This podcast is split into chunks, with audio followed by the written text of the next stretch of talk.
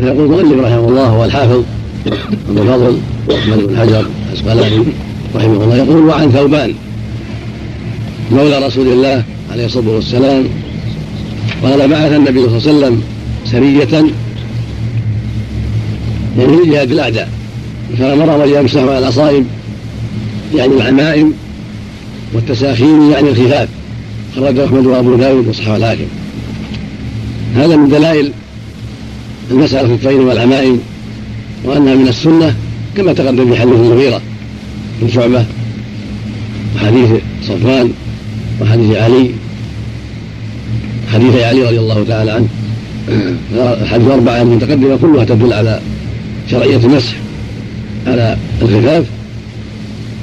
وتقدم لك أن نقول أهل السنة والجماعة وأنه جاء فيه من السنة من الأقوال والأفعال ما يقارب سبعين أثرا وحديثا وأنه من الأمور المتواترة الثابتة عن رسول الله عليه الصلاة والسلام والتي تلقاها السنة بالقبول وعدوها في العقائد من أجل خلاف الشيعة الذين أنكروا المسح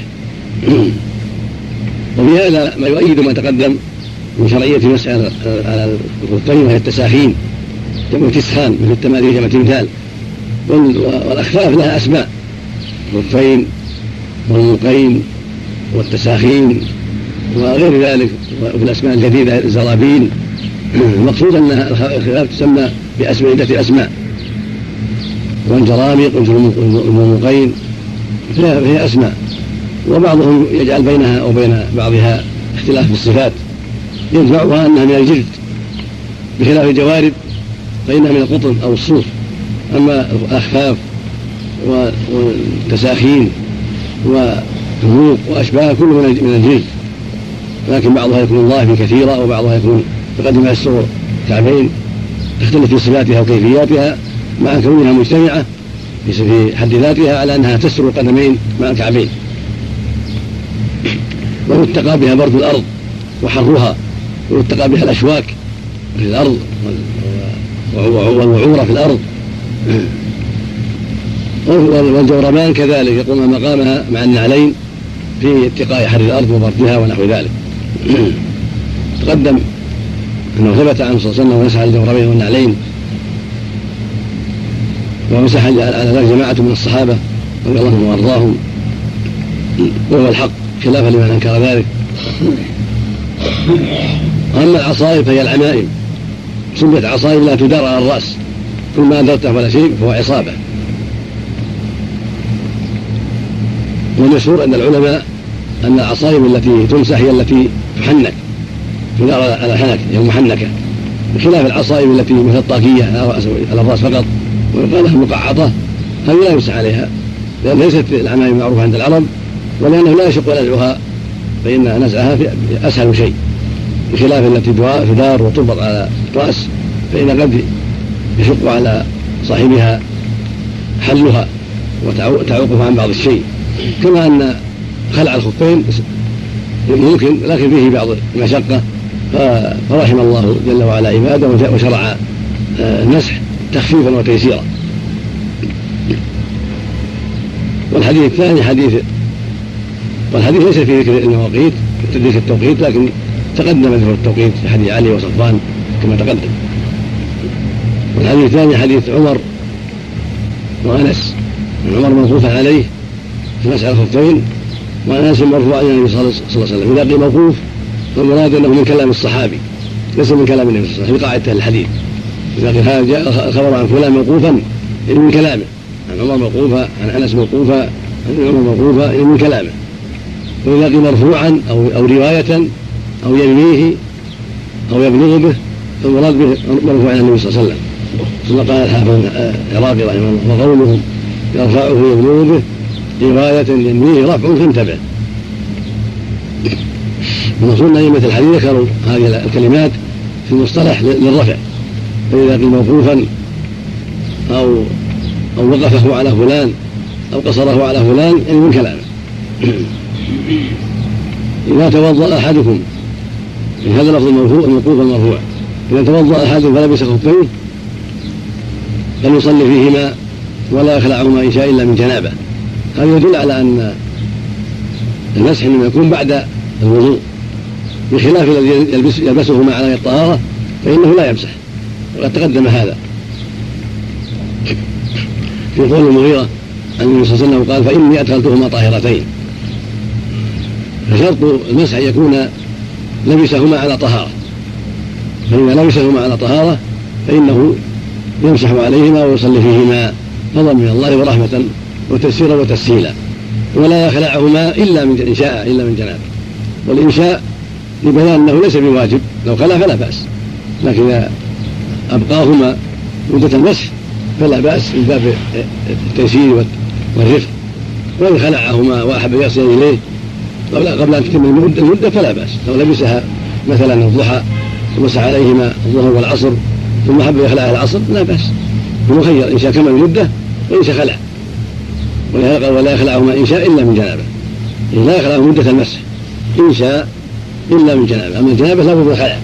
وهكذا الحيض والنفاس. لا يمسح في الخفين ولا في العمامة. في الجنابة.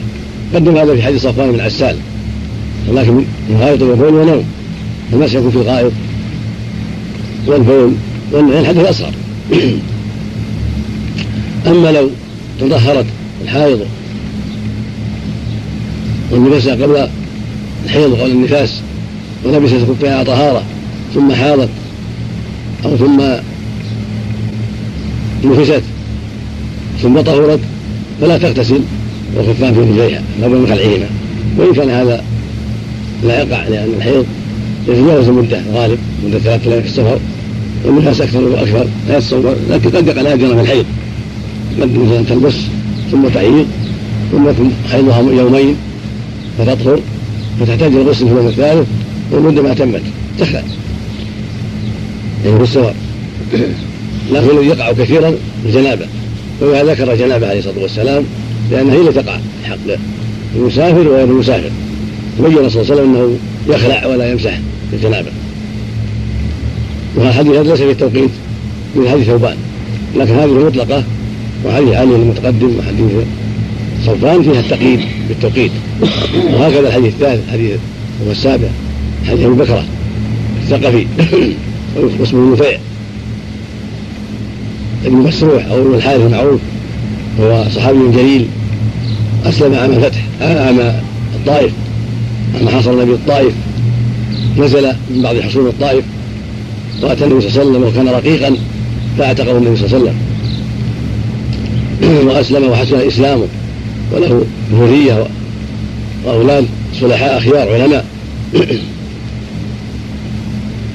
النبي صلى الله عليه وسلم رخص للمسافر أن يمسح خفيه ثلاثة أيام والمقيم يوم وليلة إذا تطهر فيمسح خفيه. هذا يبين لك أن المسح مؤقت وأنه بعد الطهارة. فيقيد ما تقدم من حديث ثوبان وحديث عمر وأنس وما جاء في معناها وأنها مقيدة بالمدة. وهذا هو قول الجمهور من العلم. وذهب مالك وجماعة إلى عدم التوقيت والصواب قول الجمهور وأنه لا بد من التوقيت لأن حديث التوقيت صحيحة ليس لها معارض وما جاء مطلق فهو مقيد بها. هذا القاعدة المعروفة عند أهل العلم في الأصول والمصطلح أن المطلق يحمل على المقيد جمعا بين الأخبار. رواه الدار قطن والحاكم وصححه. الحديث الرابع من حديث الدرس الآن وهو الثامن بالنسبة إلى حديث الباب ويقال تاسع بالنسبة إلى رواية المغيرة الثانية في أسفل الكف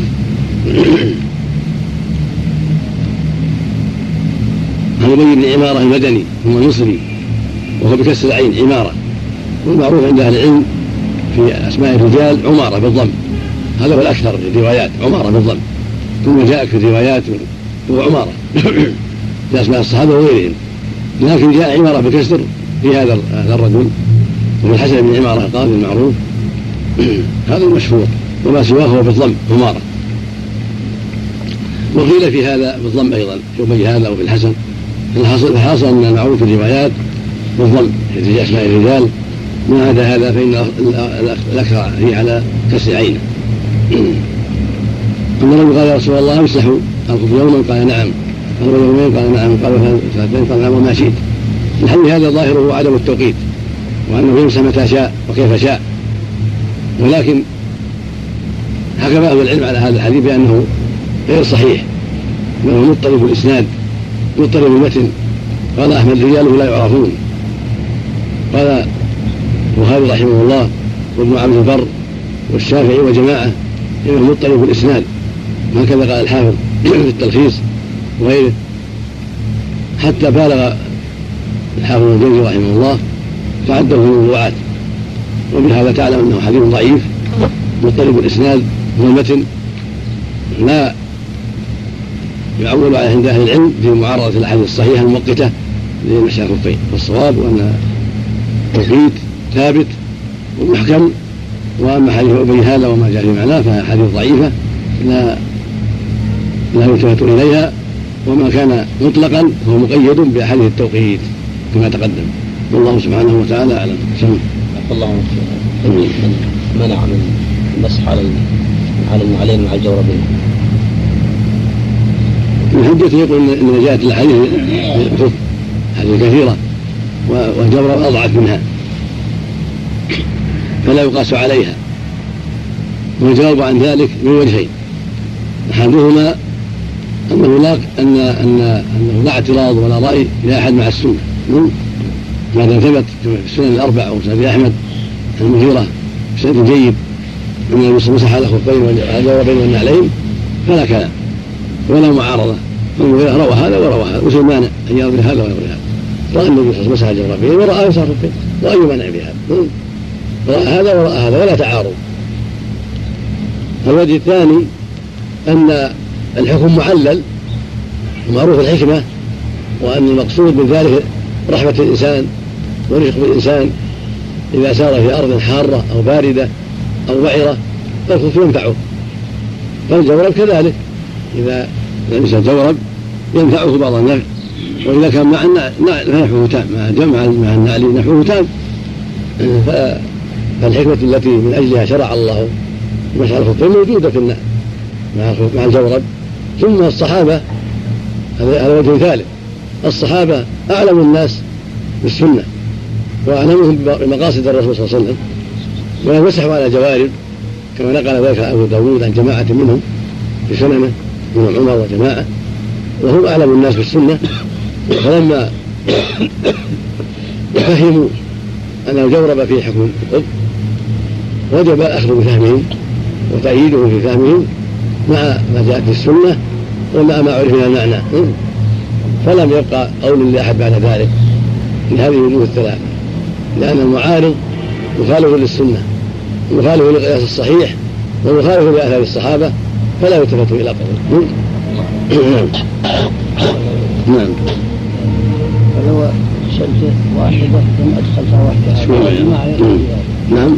لو غسلت رجلي ثم أدخلتها قبل حكم الطهارة ثم غسلت الثانية وأدخلتها في خلاف بين أهل العلم بعض أهل العلم يرى أنه لا يمسح حتى يخلع اليمنى ثم يعيد يمسحها بعد اليسرى حتى يكون لبس على طهارة كاملة. كاملة. يكون لبس على طهارة كاملة. هذا حسن احتياط.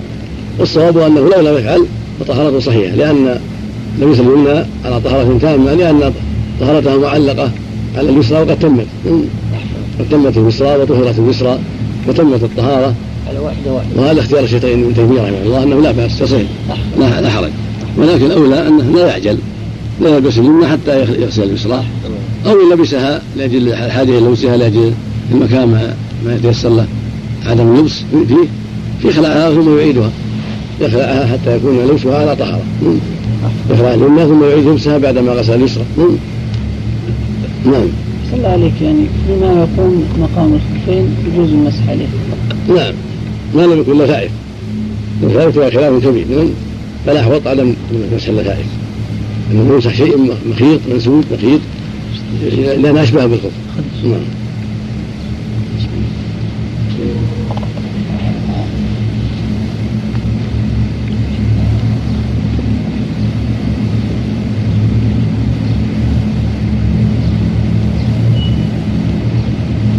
الحمد لله نعم بسم الله الرحمن الرحيم نعم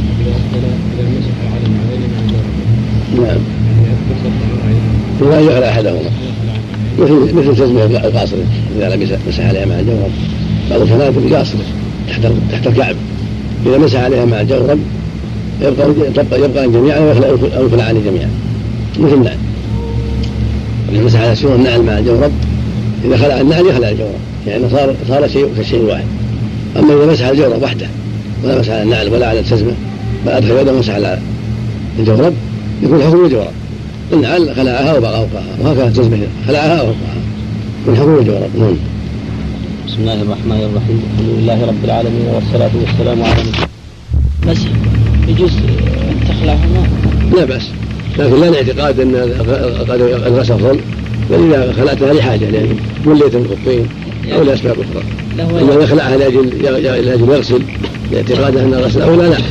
يخلعها ثم يلبسها ويمسح عليها. يخلعها ترده ويتوضا إذا في خلاء في أثناء مدة المسح يقول يجوز ان مسح هذه لا هذا قول ضعيف لا صلى عليه جمهور أهل العلم لا واذا خلعها بطلت الطهارة. إذا خلعها بعد الحدث بطلت الطهارة. أما قياس ذلك على قول بعض عن الحسن وبعض السلف ان ليس على حلق الشعر هذا قول ليس بشيء. ليس بشيء. نعم. الصواب لا جمهور أهل العلم. وهو اجماع أهل العلم. إنه متى خلع الخف بطل الحد بطل الوضوء. يعني بعد الحدث يعني. نعم. جاء شيء على حلق الشعر. نعم. نعم. يقاس على حلق الشعر. بعضهم يقاس عن الحسن البصري يقاس على حلق الشعر. لو مسح بعد لو مسح ثم حلق رأسه ما يبطل وضوءه فهكذا لو مسح ثم خلع لا يبطل. هذا قياس فاسد. لأن مسح الرأس مو خاص بدرج الشعر. نعم. يمسح رأسه سواء على شعر ولا ما عليه ولا أصلع. نعم. يمسح. نعم. بخلاف الخف فإنه يمسح على الخف خاصة مؤقت مسح مؤقت. أما الرأس يمسح دائما ما في توقيت. نعم. يمسح على الجلدة وعلى الشعر كذا. نعم. فليس من جنس انتهت المدة ومستمر على وضوءه مسح. استمر على وضوءه وانتهت المدة يخلع يخلع. يخلع ولا يصلي بالوضوء ذاك هذا هو الذي ينبغي. بعض أهل العلم يرى ان لا بأس لأن أصل بقاء الطهارة. قول له قوته لكن الاولى انه يخلع. لأنه لا لا يصلي بطهارة بعد انتهاء المدة. انتهت المدة ثلاثة أيام أو اليوم له يقيم ولم يحدث في يوم ولا غيره. فالاولى يخلع في هذه الحالة ويتوضا من جديد لأن المدة قد انتهت. جاء النبي عليه الصلاة والسلام. نعم. مسح الحضر. نعم. مسح النبي الحضر. ظاهر النصوص انه مسح الحضر والسفر عليه الصلاة والسلام. لأنه مطلقه عند الطرق. عن الجليل في ذلك أيضا والاجماع قائم على اجماع المسلم على في السفر حضر جميعا. نعم. الشيخ يسكن مثلا على الأحذية مثلا في الحمام ثم في المسجد. نعم. يجوز له المسح في هذه الحالة؟ كيف؟ مثلا ويمسح على الخفين وعلى الأحذية مع بعض. على الخفين في نفس الوقت يروح يتوضأ في الحمام؟ والحمام معروف إنه ينشف ينشف عند الباب ينشف في التراب في المحلات. ينشف ذكل لأن إذا خلاها بطل طهارته على الخفين بطل طهارته ينظف مواضع الكفر مواضع الوطئ حتى لا يقع فيه اذى ولا باس صلي فيه. يعني يشرب التراب. نعم يصلي. ولا يمسح على الانسان يلبس التزمات هذه. وعلى جوارب يمسح على الجوارب وإذا دخل خلع التزمه وجعلها في مكان صلى في الجوارب إذا كان مسح على الجوارب تكفي على الجزمه اذا مسح على الجزمه والجوارب تبقى فيه تبقى فيه أحد. عارف الجزمة هي مصنوعه من شيء طاهر أو لا من شيء. إذا إذا عليهما يبقى في تبقى في الجلد ولكن إذا اراد في المسجد يلاحظها حتى ينظفها. لا عن الخفين أو الجوربين مع لا يمسح عليها. نعم إذا كان عليها جورب تحتها جورب مسح الجورب والنعل نعم جبيره هذا نعم لبس الجبيره لا ما يشترط صحيح ما يشترط ما جاء الشرط في الخفين أما الجبيره لا. إذا اصاب الجرح وجعل عليه جبيره ولو على طهارة أجزاء. يمسح عليه لأن الجرح مو على هواء قد يصيب في حال الطاهر يجمع بين التيمم لا يكفي الصحيح الصحيح يكفي المسح الصواب يكفي المسح مطلقا ولا حاجة إلى التيمم. ولو زاد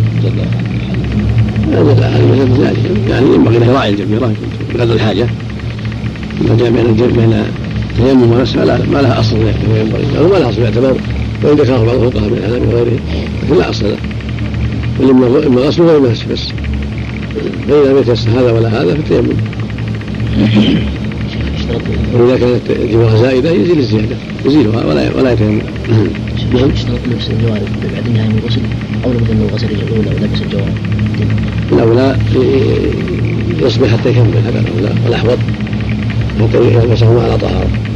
فإن غسل القدم اليمنى ثم لبس ولبس ولبس اجزى على صحيح إن شاء الله.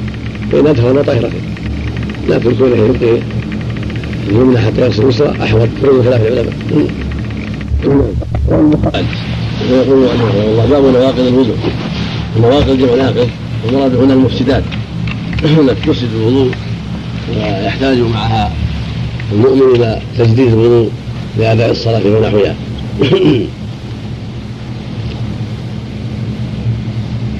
ذكر المؤلف رحمه الله هنا عدة أحاديث تتعلق بذلك. الأول حديث أنس بن مالك الأنصاري رضي الله تعالى عنه. قال كان أصحاب رسول الله رسول الله صلى الله عليه وسلم ينتظرون العشاء على عهده حتى تخفق رؤوسهم ثم يصلون ولا يتوضؤون أخرجه أبو داود وصححه الدار قطني وأصله في مسلم. لفظه في مسلم كانوا ينامون ثم يصلون ولا يتوضؤون ولما كان لفظ أبي داود أوضح ذكر لفظ أبي داود بما فيه حتى تخفق رؤوسهم لأنه يوضح معنى النوم الذي ورد في رواية مسلم وهو أن نومه كان تخفيق وليس استغراق والمعنى أنهم يصيبهم النعاس وحركة الرأس من النوم وليس المراد بالنوم الثقيل الذي ينزل معه الشعور ويحصل معه الغفلة وعدم الشعور بما قد يخرج. وهذا وارد في أحاديث كثيرة النعاس وهو شيء يصيب الإنسان مبادئ للنوم ولكن لا يكون معه الاستغراق الذي يزول معه الشعور وانطلاق الوجع. هذا يدلنا على أنه لا ينقض الوضوء وأن كون يخفق والإنسان يحس بالنوم والغرور كل هذا لا ينقض الوضوء وإنما ينقضه النوم المستغرق الذي يزول معه الشعور. وهذا على الصحيح لا فرق فيه بين المضطجع وبين الجالس وبين الساجد والراكع وبين القائم هذا هو الصواب. وفرق قوم بين المضطجع وغيره والمتكي وغيره ولكن الأحاديث نظرت إليها وجمعت بينها تدل على أن الحكم واحد وأن من استغرق في النوم وزال شعوره هذا هو ينتقل وضوءه قائما أو قاعدا مضطجعا أو جالسا على أي حال كان. أما النعاس وما يكون معه بوجود الشعور بمن حوله من القراء أو الماشيين أو المتكلمين أو المتحدثين ولكن يشعر بشيء من النعاس وشيء من الميل إلى النوم. هذا لا ينتقض الوضوء بذلك. وهذا هو بين هذه الروايات وبين رواية صفوان بن عسال السابقة. ولكن من غاية الغضون ونوم. عن معاوية الآتي العين وكاء السعي فالنوم الذي ينطلق معه الوكاء ويحصل معه النقض هو النوم المستغرق الذي يزول معه الشعور هذا هو النوم الناقض. وأما الذي وقع من الصحابة وهو ما يحصل من النعاس حال كل جلوس الانسان في الصف ينتظر الصلاة قد يصيبه النعاس ويقال نام وليس مراد النوم الذي يحصل به زوال الشعور. وجاء بعض الناس يوقظون يعني ينبهون كل هذا لا لا يمنع من كون النوم ليس بمستغرق الانسان قد يحصل له النعاس فيقام الرأس ثم ينبه. ولازم من تنبيهه أنه زال شعوره. في بعضها أنه أقيمت الصلاة عند مسلم فجاء رجل فقال يا رسول لي حاجة. فجعل يناجيه حتى طالت طال النجا ونام الناس. ثم ثم صلى ولم يتوضأوا هذا كله يدل على أن المراد بذلك ما يحصل للناس من النعاس وحركة الرأس خفقان بالنوم. وما يتعلق بذلك من الفتور وظهور امارات الميل إلى النوم. الحديث الثاني حديث عائشة رضي الله عنها في قصة فاطمة بنت أبي حبيش. وكانت فاطمة هذه إحدى المستحاضات عهد النبي صلى الله عليه وسلم. فقالت له لا يا رسول الله إني أستحاض فلا أطهر إن يسير معي الدم. أفأدع الصلاة؟ قال لا. إنما ذلك عرق وليس بحيض. إنما ذلك مرض. في بعض العروق وليس بالحيض المعتاد الذي يأتي المرأة في أوقات معينة ثم يذهب. فإذا أقبلت حيضته فهي الصلاة وإذا أدبرت تصل عند الدم وصلي فأمرها أن تصلي مع دم العرق وقال إنه ليس بحيض. وأمرها أن تدع الصلاة وقت مجيء حيضتها وإذا أدبرت تغسل الدم وتصلي. تقول الله فاغتسلي وصلي. وهذا يدلنا على أن الاستحاضة وهي الدماء العارضة. من عري يقال العاذر يعني من مخرج غير مخرج دم الحيض. وهي دماء تعرض المرأة لأمراض تعتري رحمها فيصيبها استمرار الدم. فهذا يقال لها استحاضة وهو خروج الدم في غير وقت معتاد بل يستمر معها ويشغلها ولكنه ليس بالدم المعتاد المنقد فهذا حكم حكم البول وحكم ما يحصل للإنسان من سائر الخوارج التي تستمر معه فلا تمنعه من صلاة ولا طواف وغير غير ذلك وإنما هو مرض. يعالج بخلاف الحيض الذي هو الدم المعتاد الذي كتبه الله على بنات آدم فإن هذا دم معتاد وكتبه الله على بنات آدم وهو جبلة وطبيعة من طبائعهم يخرج في أوقات معلومة من الشهر ثم ينتهي.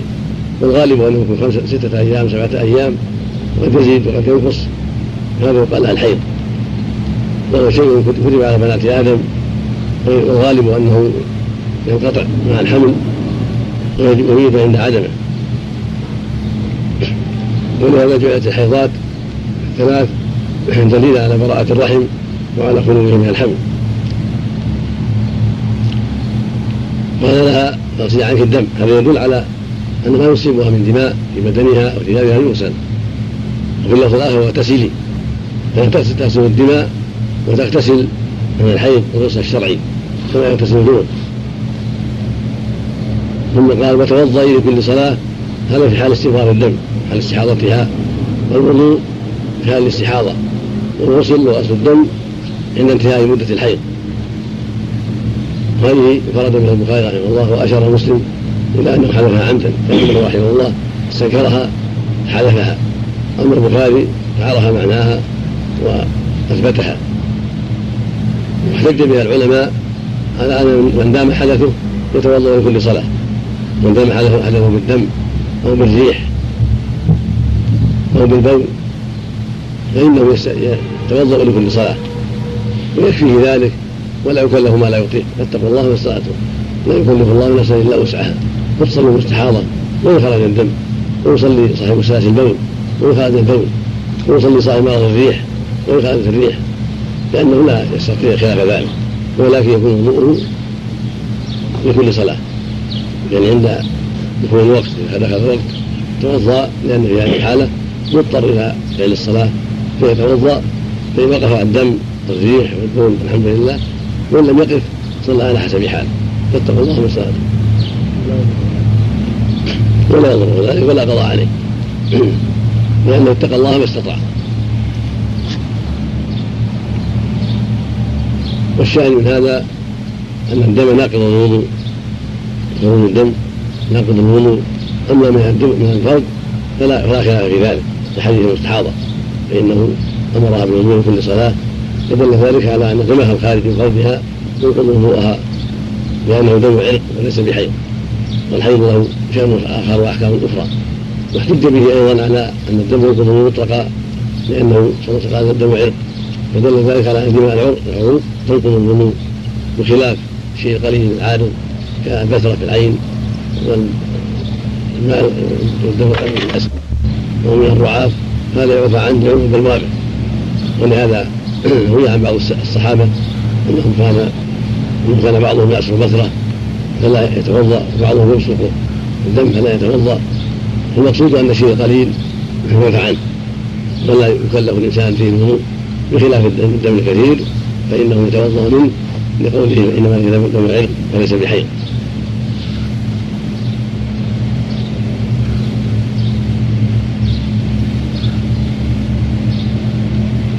وفي أحاديث أخرى يأتيكم بعضها إن شاء الله في هذا الشأن.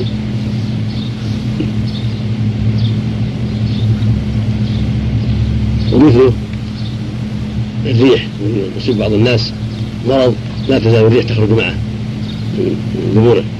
فإذا أصيب بهذا فحكم حكم صاحب سائل البول والمستحاضة. يتوضأ إذا دخل الوقت ويجزئه بذلك ولا حرج عليه.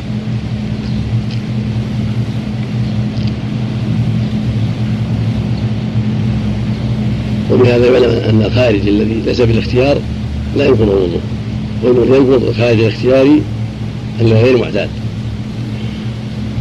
الخارج الاختياري الذي الذي قد اعتادها الإنسان هذا هو الذي ينقض الوضوء أما الخارج غير العادي الذي يصاب به الإنسان مرضا ويستمر معه ولا يتمكن من السلامة منه فهذا يعفى عنه ولا يعد ناقضا في, في وقت نفسه. بل يكفيه الوضوء وإن خرج ذلك الشيء لأنه شيء مضطر إليه الإنسان ليس باختياره ولا يتمكن من دفعه. سامحه الله جل وعلا. الحديث الثالث حديث علي رضي الله عنه. وعلي بن أبي طالب أمير المؤمنين رابع الخلفاء الراشدين وأحد العشرة يدخلهم الجنة رضي الله عنهم جميعا. يقول كنت رجلا مذاء تقدمت ترجمته. كنت رجلا مذاء يعني كثير المذي خامرت المقداد يسال النبي صلى الله عليه وسلم. والمقداد بن الأسود الكندي المشهور. وفي روايه أخرى فاستحييت أن أسأل رسول الله فيما كان يملكه مني. فأمرت المقداد يسال النبي صلى الله عليه وسلم فسأله فقال فيه وضوء قل له قال يغسل ذكره ويتوضأ. قال يغسل ذكرك ويتوضأ. في لفظ فامره يغسل ذكره وانثييه ويتوضأ. هذه الروايات كلها تدل على أن النبي ناقض. من نواقض الوضوء وأن الذي أصابه الذي يغسل ذكره وانثيه يعني خصيتين. وهذا شيء ميزة زائدة على حكم البول ولعل السر في ذلك والله أعلم أن الذي يكون له زوجة وربما انتشر على الذكر وعلى الأنثيين ولم يشعر به الإنسان فكان مأمورا بغسل ذكره وانثيه وأيضا نعلم من الحكمه أيضا أن غسل ذكره وانثيه من أسباب قطعه ووقوفه وعدم خروجه قال بعضهم ولا سيما إذا كان بالماء البارد فإنه من أسباب قطعه وعدم استفراغ خروجه. وهو يأتي عند تحرك الشهوة تحركت الشهوة وما الإنسان إلى أهله من الجماع ثم ضعفت الشهوة وزال السبب فإنه يخرج شيء يقال له المذي نزج أصفر في الغالب يسمى المذي وهو نجس.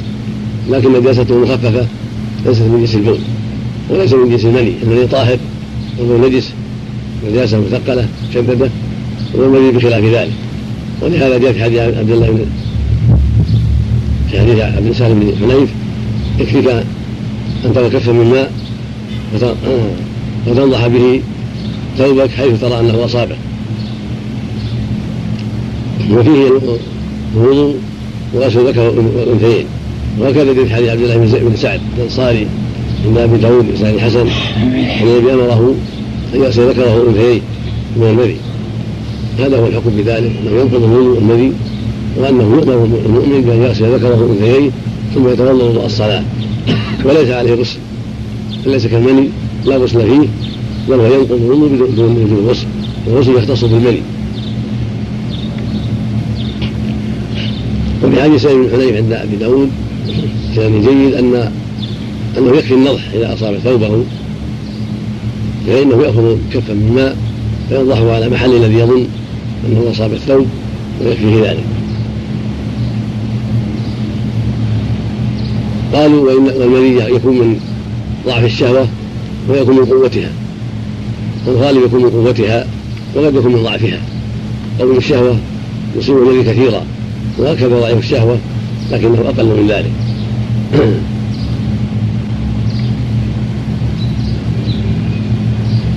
وأما المني فلا ينقض الوضوء من حيث أما المني فيوجب الغسل إذا خرج دفقا بشهوة. وأما إذا خرج عن مرض وعلة فهو من جنس الأحداث الأخرى من جنس البول. يعني ينقض الوضوء ولا يجب غسل الأنثيين. بل يغسل طرف الذكر إذا أصابه لأنه خارج. ينقض الوضوء فقط. وإنما يكون موجب الغسل إذا كان دفقا بلذة كما يأتي في محله إن شاء الله الماء من الماء. صارت الخوارج أقسام من الدم من البول من المني من المذي فالبول والمذي والدم نجسة. والمني وحده ظاهر ولكنه يجب الغسل إن كان بلذة فقط بلذة وإن كان عن مرض لم يجب الغسل وكان من النواقض فقط الوضوء. وهناك ناقض آخر هو الريح. ويسمى الفساء إذا كان لا صوت له والضراب إذا كان له صوت. وهو ينقض الوضوء ولكن لا يجب الاستنجاء لأنه شيء لا لا رطوبة له ولا يؤثر في المخرج فلا يجب الاستنجاء. وإنما الاستنجاء من البول والغائط والمذي لا من الريح لا من الريح. فلا توجب وضوءا وهكذا النوم هكذا مس الذكر مس الفرج هكذا كل في الإبل.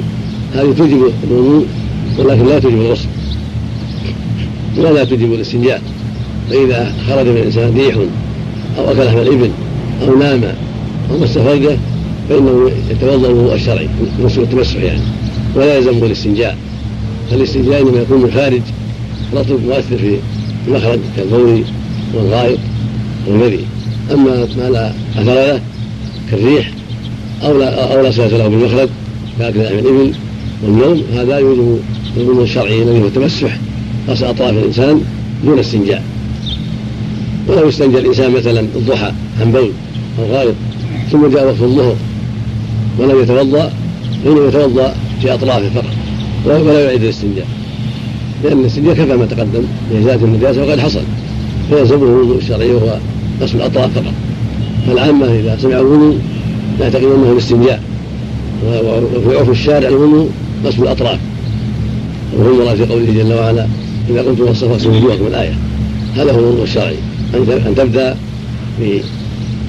بغسل وجهك. يعني المنظر والاستنشاق والوجه. ثم اليدين ثم الراس ثم الرجلين هذا الوضوء الشرعي وهذا يسمى التجديد من الناس أو يسمى التمسح فليس فيه استنجاء وإنما الاستنجاء فيما إذا بال أو أتى الغائط فإنه يستنجي. ثم يتوضأ وضوء الصلاة بعد ذلك.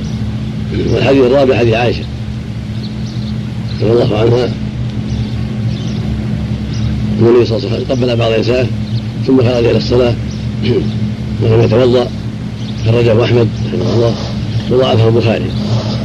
حديث جاء من طريق عروة عن عائشة. ومن طريق عروة غير مسمى وقيل عروة بن الزبير وقيل غير غيره وجاء من طريق إبراهيم التيمي عن عائشة عند النسائي. وهو منقطع ان إبراهيم لم يسمع منها. ولعل البخاري أراد هذا المنقطع أما رواية أحمد فهي سليمة فإن رواها بسند جيد.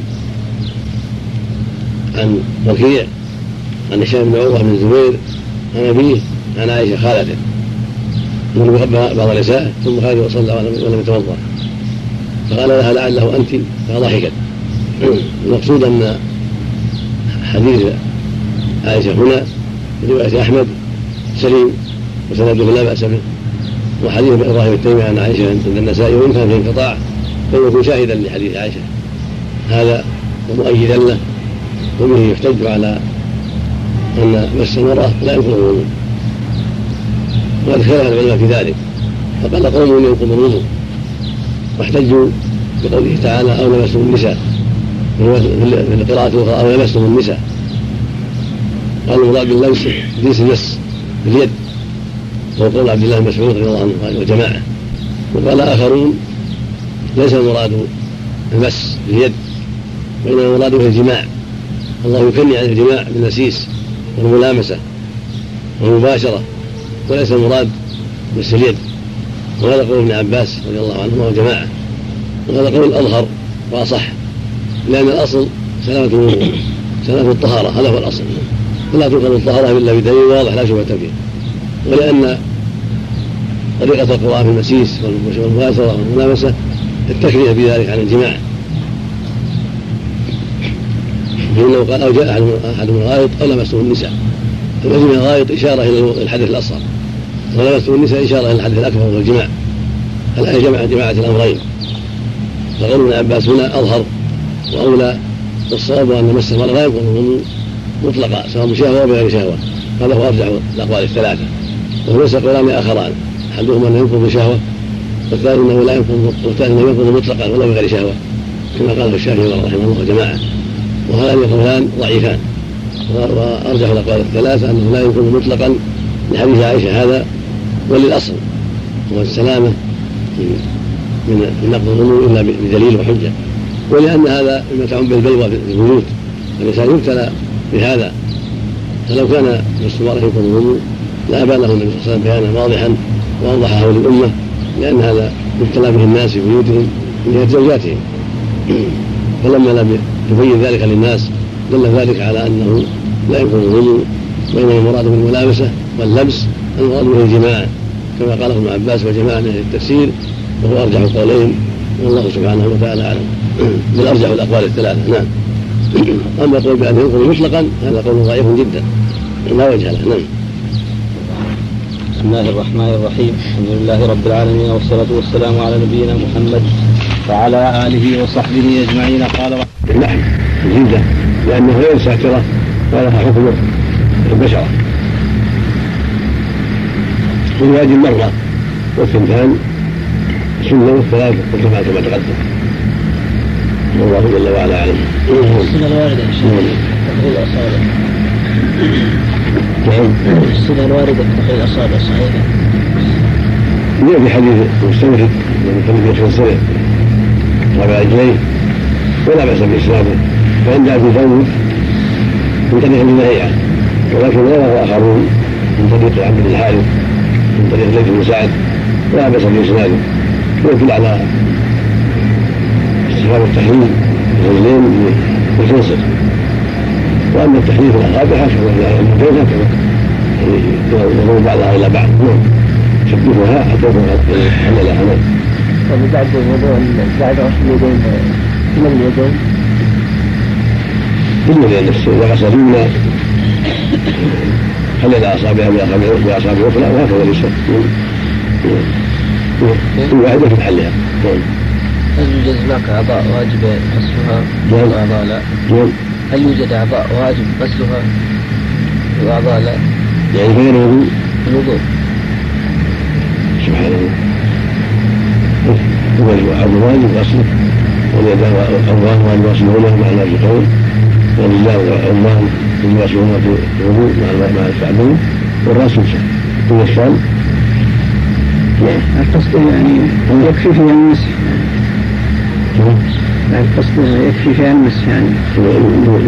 يوجد أعضاء يجب غسلها غسل الاعضاء يجب غسلها نعم. هذه الأعضاء يجب غسلها واليدان والرجال يجب غسلها والراس يمسح يرى ان الذي اتت فيه الآية هو الواجب والذي الذي أتى في الحديث النبي صلى الله عليه وسلم في وصف الوضوء هذا هو المستحب. الحديث هو داخل الايه الايه غسل ومسح الراس بس. واللي يفعل النبي كذلك غسل غسل الاعضاء ومسح الرأس. ومن يقول المسح اليه هذا الرافضه الشيعه غلطوا هذا غلط أهل السنة والجماعة. ولهذا قراءة مشهورة وأرجلكم عطف على الموصوف ولم يقل أحد مسح الرجال من الشيعة والشيعة لا لا يترك لا لا لا في خلاف ولا في اجماع لأنه أهل بدعة وكثير منهم أو جنهم كافر بعبادة أهل البيت نسأل الله العافية نعم وبعد وعن عبد الله بن زيد وابن عاصم النازلي اصحاب الجليل مشهور وهو لم يرى عليه وضوء وغير عبد الله بن زيد بن عبد ربه الأنصاري صاحب الأمان. هذا شخص ولا شخص. قال اتي النبي صلى الله عليه وسلم بتوفي ود فجعل يدلك ذراعيه وله أحمد تصور زينة. هذا يدل على اختصاره واختصاره في الماء عليه الصلاة والسلام. كان يقتصد ولا يكثر صب الماء وكان يقتصد. قد جاء صلى الله عليه وسلم توضا بمد وجاءه النبي صلى الله عليه وسلم فدل ذلك على أنه كان يقتصد بالماء هذا هو المشروع مشروع المسلم في الوضوء أن يقتصد وأن لا يكثر صرف الماء ولو كان على الفنجار السنة الاقتصاد في ذلك وفعل النبي صلى الله عليه وسلم على هذا عليه الصلاة والسلام. وفيه شرعية العناية بالوضوء والدلك. وهو نصف الشيء والعناية بمر اليد عليه. وهذا مستحب وليس بلازم لأن غالب الأحاديث هي إجراء الماء على الأعضاء وغير ذلك إجراء الماء على الأعضاء هو الإسباق إذا مر على الأعضاء هو الإسباق. فإن دلك العضو بأن يمسح بيده ومعكه بيده هذا مزيد وعناية لإزالة ما قد يكون هناك من أوساخ. ولعل هذا يستحب عند دعاء الحاجة إليه ولعله ذاك لأن دعت الحاجة إلى ذلك يعني أنه وإن كان قليلا فإن الذبح لا, مانع منه إذا دعت الحاجة إليه. وسبق لك أن الرسول صلى الله عليه وسلم يفعل بعض الستارة ويدعه أخرى لبيان الجواز. والمهم هو إسباغ الماء قال يكون مسحا يكون إسراء ماء على الأعضاء هذا هو الواجب إذا دعك بعض الأحيان أو دعت الحاجة إلى الدلك بعض الأحيان فهذا مستحب وسنة وليس بواجب بدليل أنه تركه في كثير من الأحيان عليه الصلاة والسلام.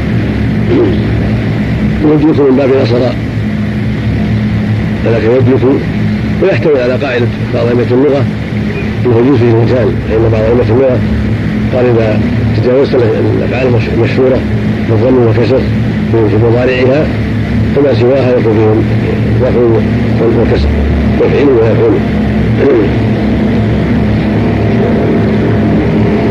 وغير القاموس وغيره انه باب الأسرى يطلق. والحديث الثاني حديث عبد الله بن زيد أيضا. انه راى النبي صلى الله عليه وسلم ماء ورمى لم يخله براسه هذا البيهقي. هذا يستدل به ان صح سنده على استحباب أخذ ماء من غير ماء الرأس. والمحفوظ عنه صلى الله عليه وسلم الأحاديث الصحيحة كعبد الله عن عبد الله بن عمر المتقدم وغيره أنه كان يمسح رأسه بماء واحد مع الاذنين هذا هو المحفوظ في الأحاديث الصحيحة وكان يمسحه ماء بما لم يخلق من الراس لكن إن صح حديث البيهقي هذا فيكون من فعله في بعض الأحيان يفعله بعض الأحيان. ولم يتيسر لي مراجعة البيهقي في البيهقي وما وما هذا الحديث. وسوف اليوم إن شاء الله. وافيدكم بالنتيجة إن شاء الله. لكن ظاهر كلام الحافظ انها غير محفوظ. أخذ المال بأذنين. ولهذا قال بعده واصله في مسلم لكن يهضم مسح براسه بماء غير فضل يديه وهو محفوظ. يعني انه صلى الله عليه وسلم مسح الرأس بماء جديد غير الماء الذي بقى في يديه من غسل الذراعين وهذا لا شك. هذا هو ثابت في الأحاديث. واخذ براسه ماء جديدا غير ماء من الذراعين هذا هو محفوظ في الأحاديث الصحيحة. وكان يأخذ براسه ماء جديدا. هذا هو الواجب. أما اخذ الاذنين فهو محل النظر. وكان ابن عمر يأخذ ماء جديدا. فلا شك في جواز ذلك. لا بأس يأخذ له ماء جديدا ولا سيما إذا كان الماء الذي ضعيف. استغرقه الرأس ويمسك اليدان ياخذ له ماء جديدا.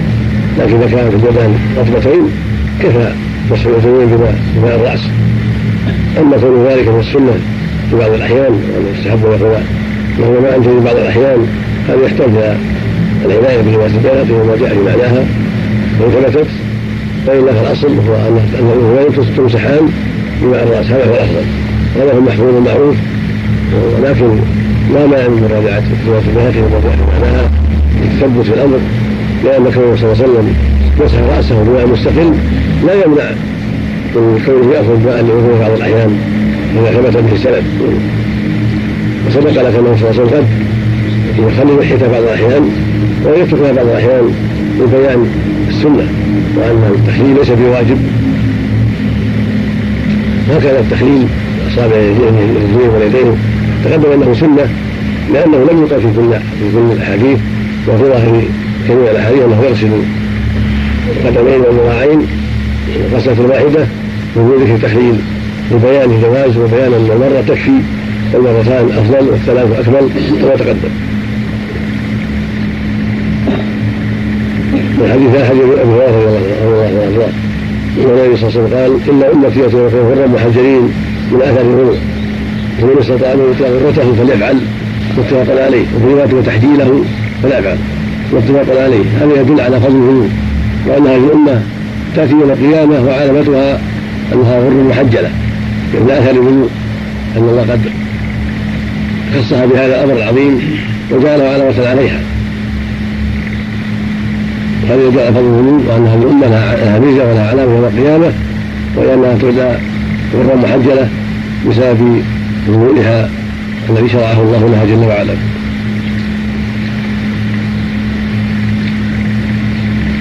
أما قوله الذي استطاع أن يؤتي ورثه فليفعل وهو وتحجيله فليفعل واختلف الناس في ذلك. فقال قول من أهل الحديث انه محفوظ وانه مرفوع النبي صلى الله عليه وسلم واستحبوا إطاعة غره والتحجيل. وإطاعة الغرة يأخذ بعض الرأس بغسل الوجه. وطاعه التحجيل يأخذ بعض العضدين وبعض الساقين.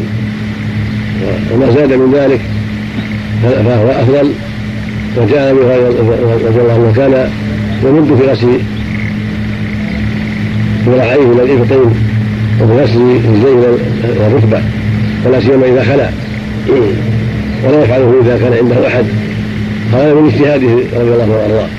ويتأول هذه الرواية.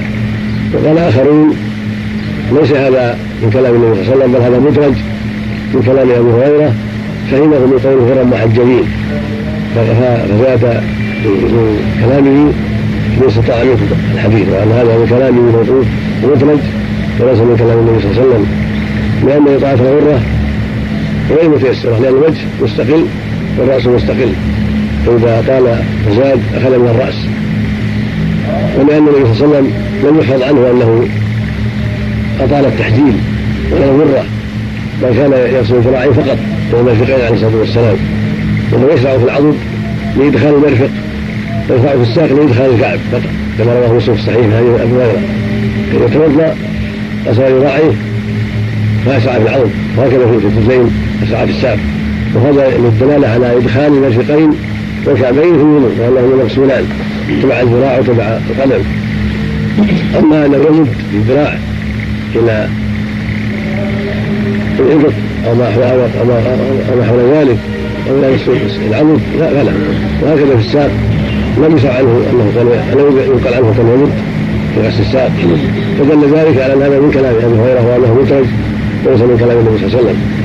وقد أطال في هذا العلامة القيم رحمه الله بسط المقام. وأيد هذا القول وفي رواية أحمد رحمه الله ثم ذكر هذه اللفظة ذكر عن نعيم المسلم الرضاوي أنه يشك. هل هذه الكلمة من كلام النبي صلى الله عليه وسلم؟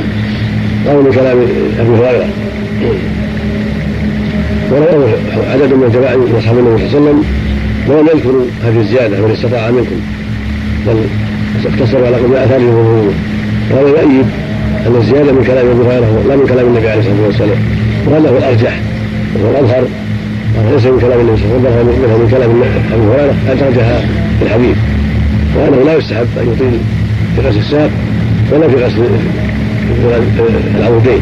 ولكن يغسل المرفقين مع الذراع ويغسل الرامين مع مع القدم لما ثبت في الصحيح من حديث أبي هريرة ثم النبي فعل هذا عليه الصلاة والسلام كان يفعل ذلك. فيكون معنى إلى يكون إلى بمعنى مع المرفقين يعني مع المرفقين. الكعبين مع مع الكعبين. والسنة تفسر القرآن وتوضح معنى القرآن الكريم. وهذا من قوله جل وعلا ولا تأكلوا اموالهم إلى أموالكم. يعني مع أموالكم.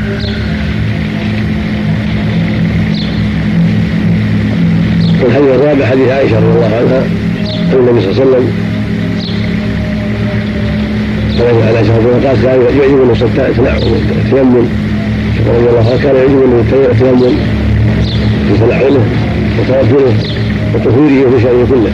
وله عنها كان يحب كان عليه السلام يحب التيمم وتنعمه وترجله وطهوره وفي شأنه كله.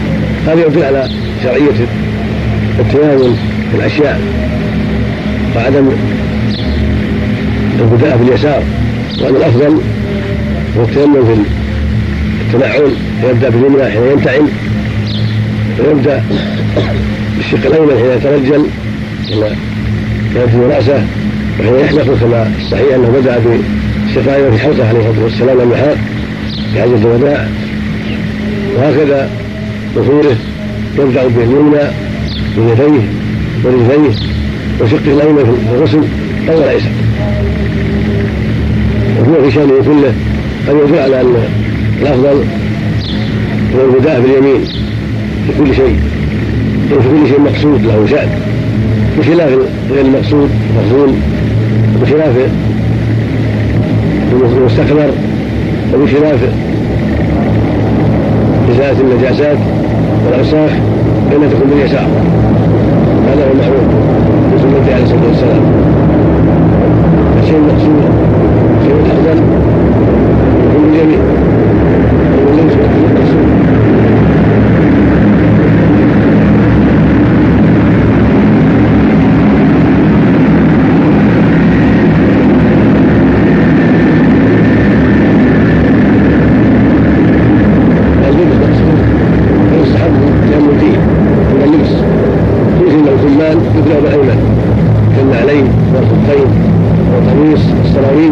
يبدأ بالأيمن عند اللبس وفي الخلع يبدأ بالأيسر يخلع اليسرى أو حتى يكون تكون اليمنى أول ما تنعل وآخر ما تخلع وهكذا في القميص والسراويل ونحو ذلك.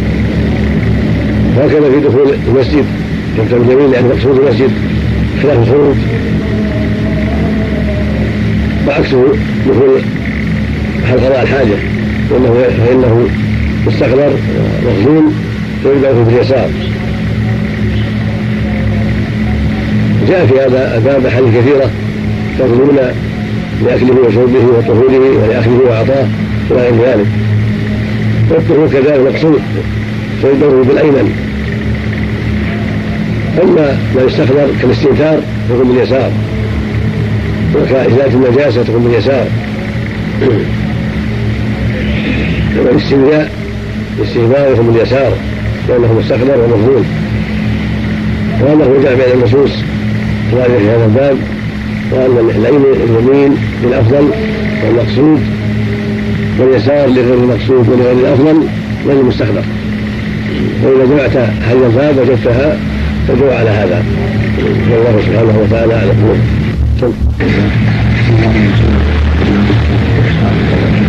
أما بعد.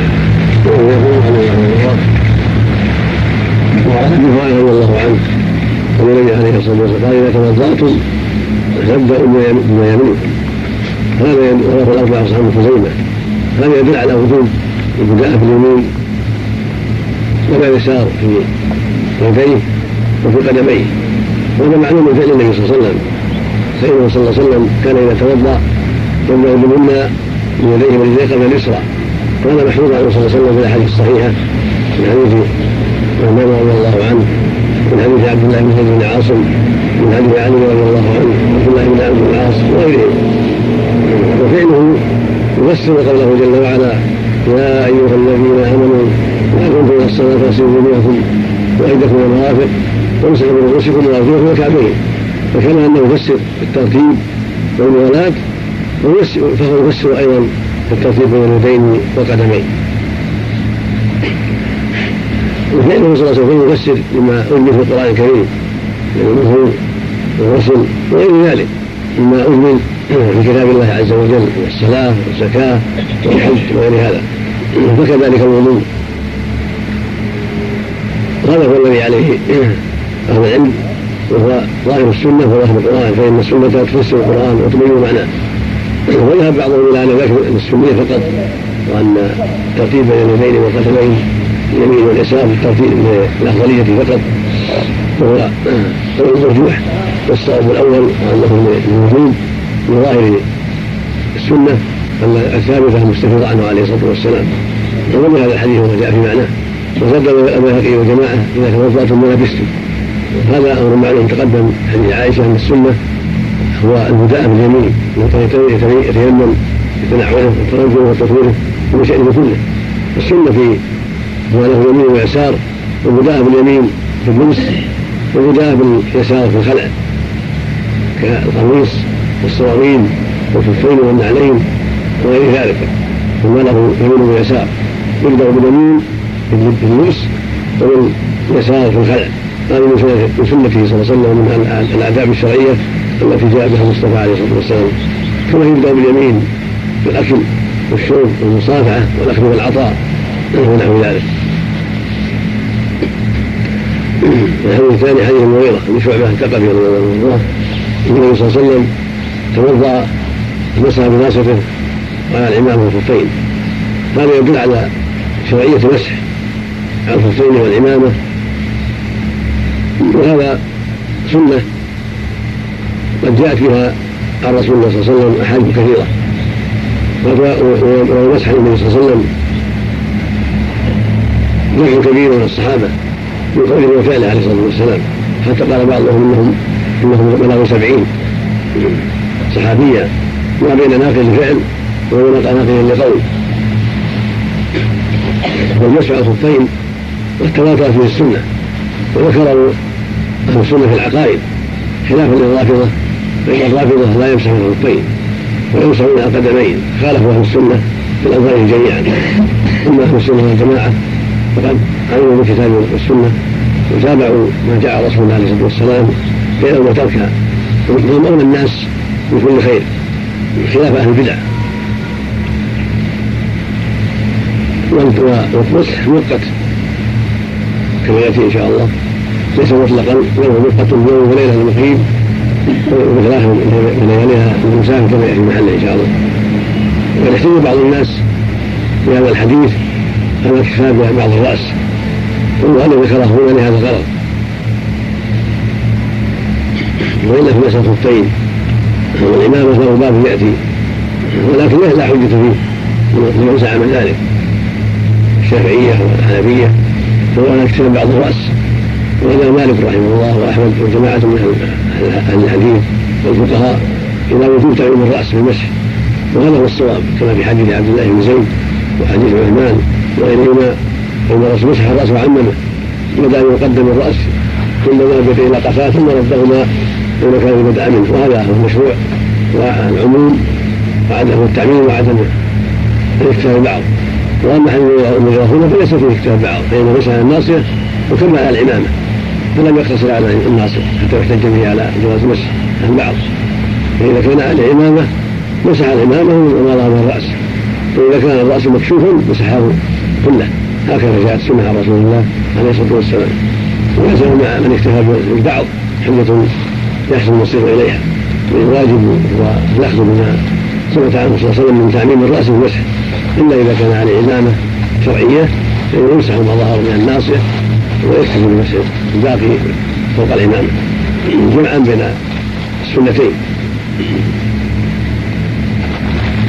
وأما الخفان فيمسح ظاهرهما يمسح ظاهرهما بيديه. اليمنى ويسعى على اليسرى وكذا مسح اجزاء إن شاء الله. والحديث الثالث حديث جابر صفة حج النبي صلى الله عليه وسلم.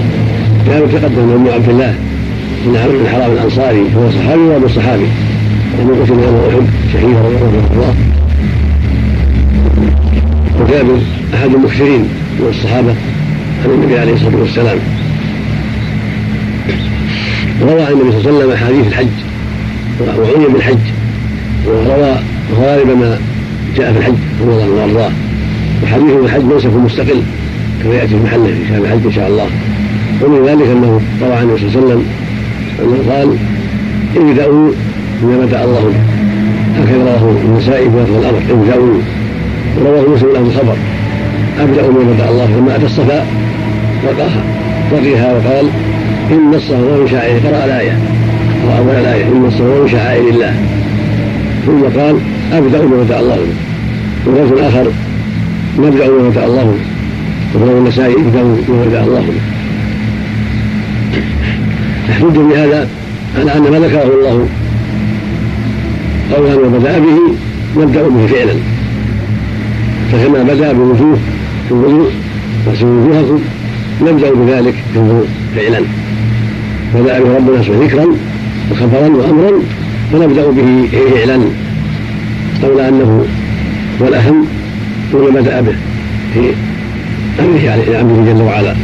يقول سبحانه قلنا اصرفتم وجوهكم وعندكم الآية فنبدأ بما بدأ الله به. نغسل الوجه أولا ثم اليدين ثم مسح الراس ثم الرجلين وهكذا فعل النبي صلى الله عليه وسلم. فإن رتبها هكذا كما نبدأ الله عز وجل.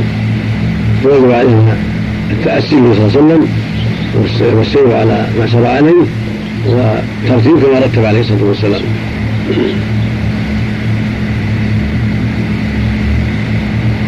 والرابع حديث جابر أيضا كان النبي صلى الله عليه وسلم إذا توضأ أدار الماء على مرفقيه فيرد ربطه بإسناد ضعيف لأن في اسناده من لا يحتج به.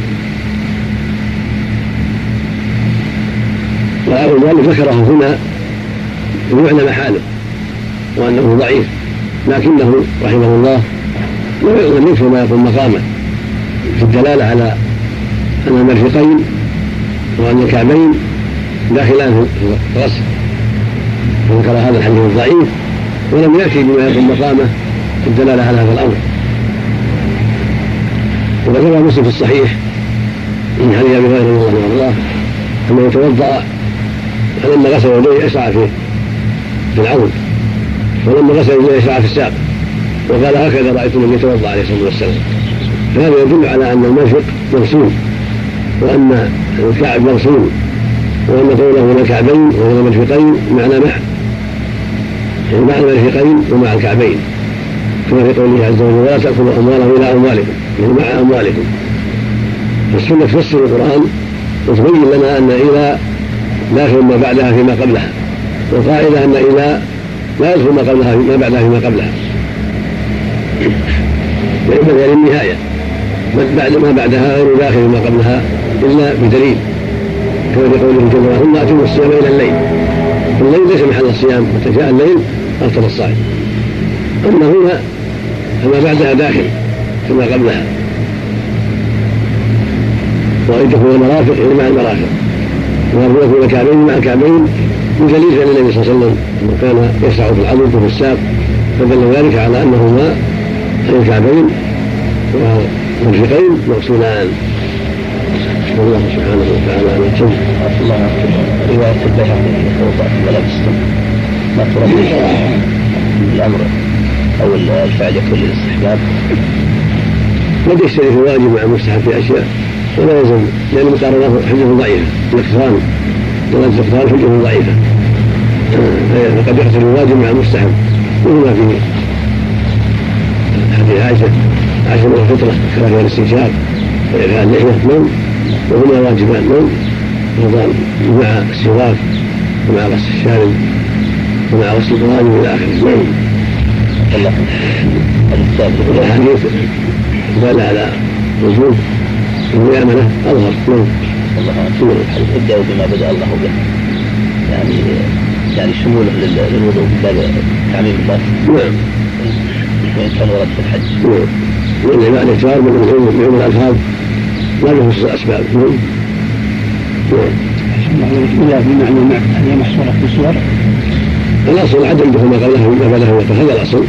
إلا بدليل يدل على دخوله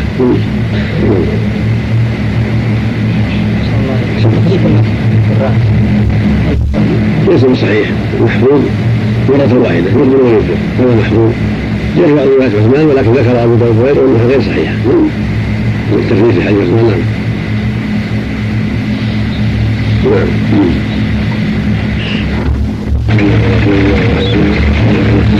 نعم بعد.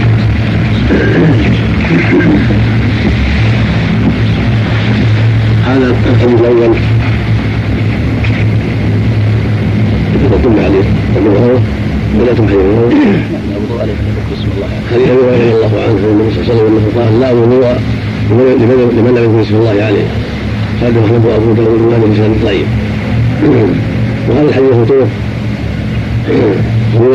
والفاظ منها لا وضوء لا صلاة إلا بوضوء ولا وضوء لمن لم يرسل الله عليه ولكنها كلها ضعيفة عند أهل العلم. وكذلك حديث سعيد بن زيد بن عمرو بن نفيل بن عم عمر بن الخطاب رضي الله تعالى عنه وحديث أبي سعيد الخدري عند الترمذي رحمه الله وغيره. مثل حديث أبي هريرة رضي الله عنه. لكنها كلها على مدارها على ضعفاء ولهذا قال أحمد رحمه الله لا يفوت في هذا الباب شيء. لا يفوت في باب نفي الذنوب لمن صلى الله عليه شيء. ومن أجل هذا ذهب الجمهور إلى ان التسميه لا تجب وإنما تستحب فقط لأن الأحاديث فيها ضعيفة. وذهب قوم إلى وجوب التسميه مع الذكر وسقوطها مع النسيان اخذا بهذه الأحاديث التي جاءت؟ وإن كان فيها ضعف لكنها كثيرة. قال الحافظ ابن رحمه الله مجموعها يقضي بانها بأن لها أصل وأن الحديث حسن من أجل تعدد الطرق قد قالوا الضعيف الذي لا تصل درجته إلى السقوط ليس ضعفه من أجل شذوذه ولا من أجل ان فيه كذابين أو متروكين. وإنما ضعفه من سوء الحفظ على الرواة قالوا إنه إذا تعددت طرقه يكون يرتفع إلى درجة الحسن والقبول. كما قال الحافظ حجر في النخبه وما تتبع السيء الحسن معتبر وكان مستور والمرسل والمدلس. صار حديثا حسنا لا لذاته بل من مجموع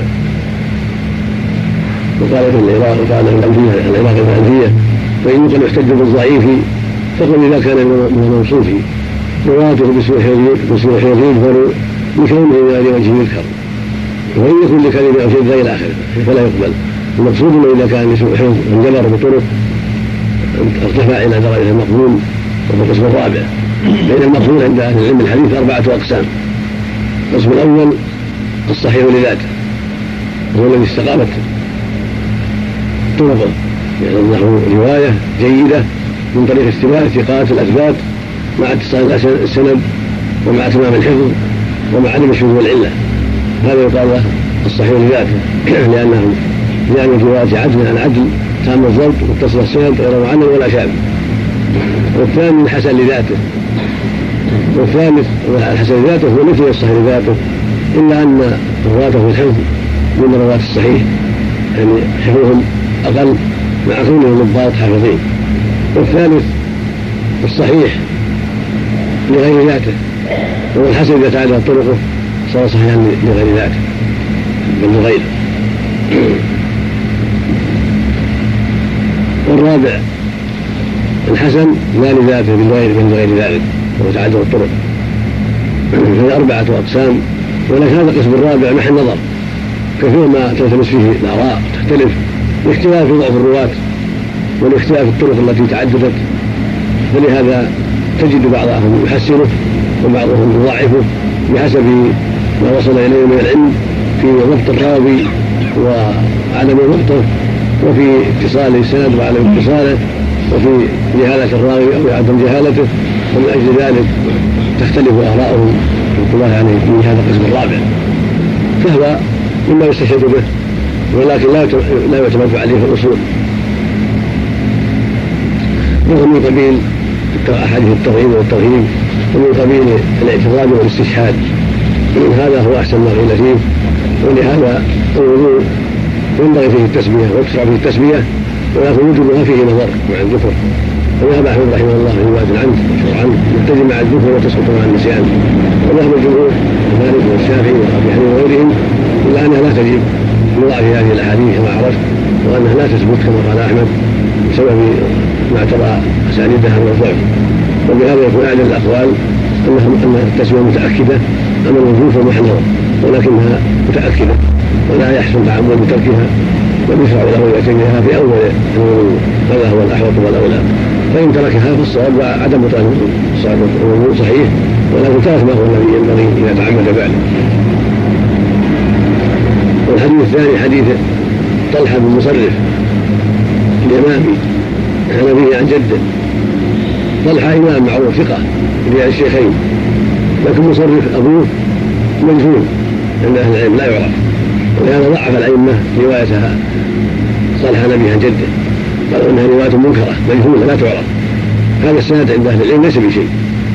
وإن كان نفس الصالح جيد وثقه معروف لكن نفس رواية عن أبيه عن جده ليست بشيء عند أهل العلم لأن أباه غير معروف بل هو مجهول.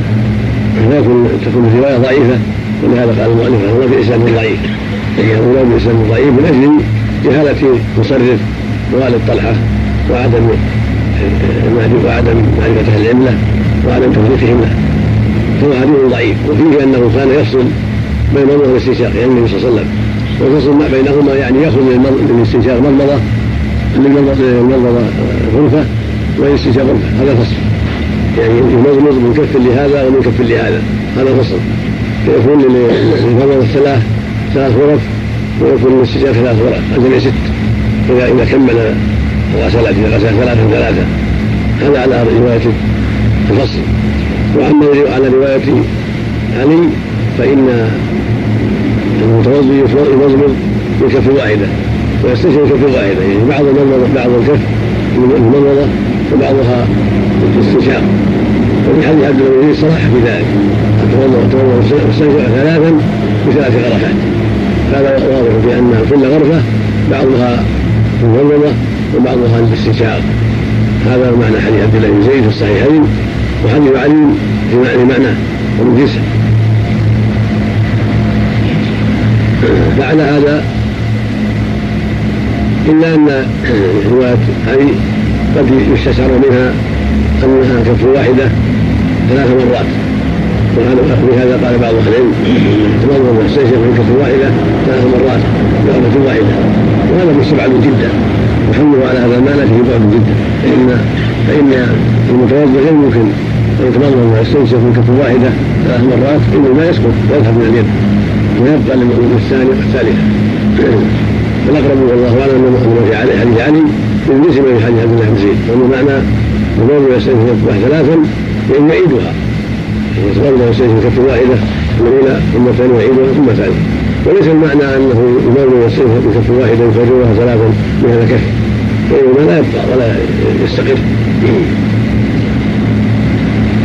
اما رواية الفصل فعرفت انها ضعيفة وقال صاحب قول المعبود إن أبا يعلى روى في صحاحه الفصل كما كروايه طلحة. هذا ينظر فيه ان ثبت رواه أبو يعلى أو غيره من الفصل فتكون صفة ثانية في موضع الاستنشاق وأنه يمول ويستنشق ثلاثا من كل واحدة موضع الثلاثه ثلاث غرفات ومن استنشاق ثلاث من غرفات هذا هو الافضل وإن اكتفى بواحدة أو مرتين فلا بأس. كما تقدم. النبي صلى الله عليه وسلم توضأ مرة مرة مرتين مرتين وثلاثا ثلاثة وكل سنة. ولكن الكمال ثلاثا ثلاثة هذا هو الكمال.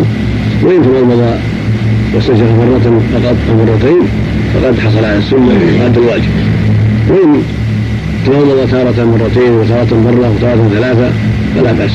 كل هذا فعل النبي عليه الصلاة والسلام.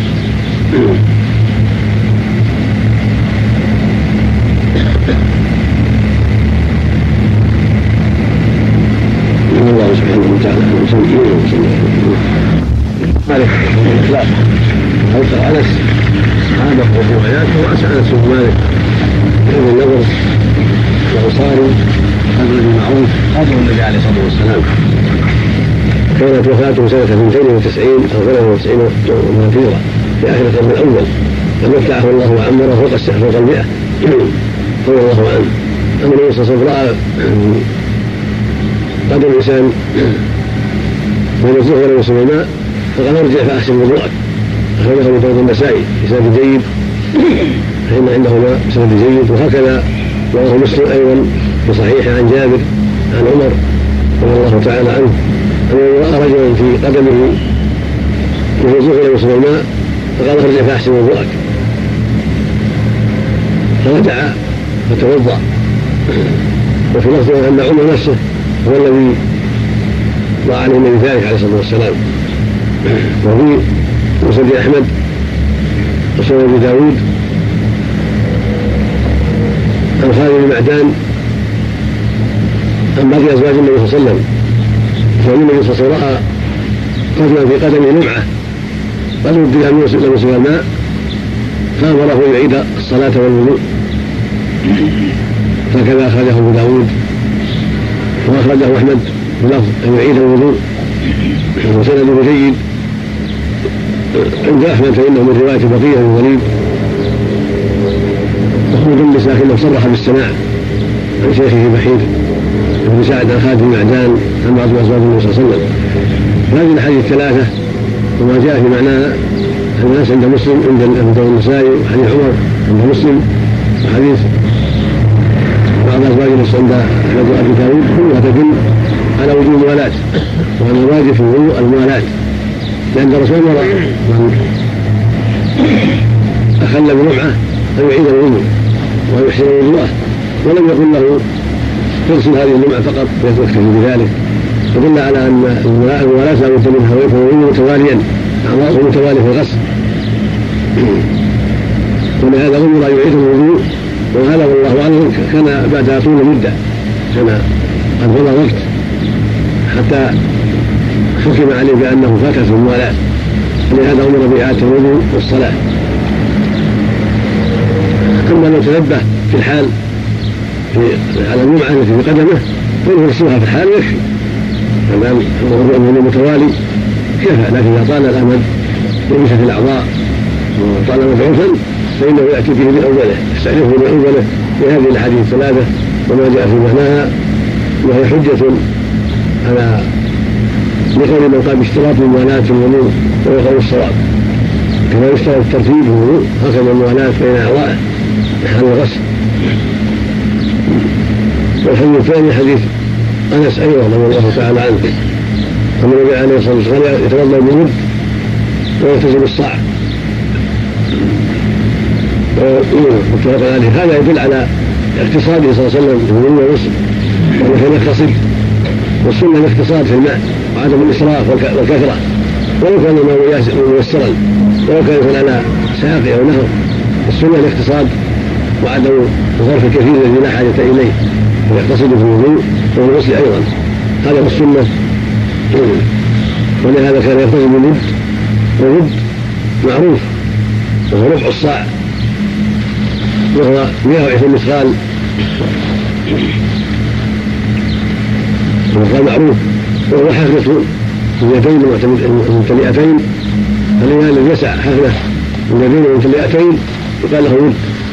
والذي يسع أربع حفنات يقال له صاع. ويكتفي بالصاع إلى خمسة أمداد قد يكتفي بالصاع وقد يزيد مدا بخمسة أمداد لأن عائشة كان قالت إن كنا نغتسل أنا والرسول نصف من إناء يقال الفرق. وهذا يسع ثلاثة أصع ولا يزال يكون ممتلئا فالحاصل أن رسول الله صلى الله عليه وسلم كان بهذا المقدار من صاع إلى خمسة أمداد إلى ما يقارب ذلك. ووضوءه كان من مد إلى ما يقاربه. وتقدم من الحديث الصحيح أنه توضأ مثل الود مثل الود الود وثلث ودل ذلك على أنه كان يقتصد غاية في وضوئه عليه الصلاة والسلام. وسبق لك أنه توضأ مرة مرة ومرتين مرتين وثلاثا ثلاثا أو مختلفا. غسل بعض أعضاء مرتين وبعضها ثلاثا. فدل على التوسعة في ذلك وأنه ينبغي للمؤمن أن يراعي الاقتصاد وعدم الإسراف في وضوءه اقتداء برسول الله عليه الصلاة والسلام. والحديث الثالث حديث عمر أيضا بن الخطاب أمير المؤمنين رضي الله تعالى عنه وهو الخليفه الراشد المعروف وملقب الفاروق وفرق الله بين الحق والباطل. وقال فيه النبي صلى الله عليه وسلم الخطاب ما سلكت فجا الا سلك الشيطان فجا غير فجه وهو افضل الخلفاء بعد الصديق وهو ثاني الخلفاء الراشدين وهو ثاني العشره المسلمين بالجنه رضي الله عنهم وأرضاهم. يقول انه سمع عليه وسلم يقول عليه الصلاة والسلام ما منكم من أحد يتوضأ فيسبق الوضوء. يعني يبلغ الوضوء يكمله ثم يقول أشهد أن لا إله إلا الله. وحده لا شريك له وأشهد أن محمدا عبده ورسوله. الا فتحت له الوجوه الثمانيه يدخل به يشاء هذا يفضل هذه الشهادة. وأنه يستحب المؤمن ان يقول هذه الشهادة. وهذا يكون حق من قاله بصدق وإخلاص وإيمان بمعناها. وأن الله سبحانه وتعالى هو الواحد لا شريك له جل وعلا. وأن محمدا هو رسول الله حق عليه الصلاة والسلام. ومن قال هذه الشهادة بصدق وإخلاص كانت من أسباب دخول الجنة ونجاته من النار إذا مات عليها. وبقولها صادقا مخلصا تفتح له الجنة. هذا يدل على فضل هذه الشهادة العظيمة وأنها من أسباب دخول الجنة لمن أتى بها صادقا مخلصا لأن الصدق فيها يستلزم أداء فرائض الله وترك محارم الله والوقوف عند حدود الله. ولأن ذكرها وذكرها والكلام فيها من أسباب التذكير بالحق وأسباب تحريف القلب طاعة الله ورسوله فهي أصل الدين وأساس بالله ولهذا رتب الله عليها من الخير ما لم يرتب على غيرها بكونها الأساس العظيم الذي متى صلح؟ صلحت الأعمال ومتى فسد فسدت الأعمال.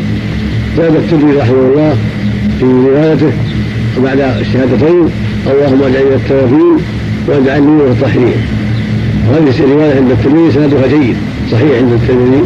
فيستحب أن يقول المؤمن عند فراره من الوضوء أشهد أن لا إله إلا الله وحده لا شريك له. وأشهد أن محمدا عبده ورسوله. اللهم اجعلني من التوابين واجعلني من المتطهرين كما يستحب له يشرع له التسبيح عند أوله. هذا ثابت الوضوء. يسمي في أوله ويجتهد في آخره.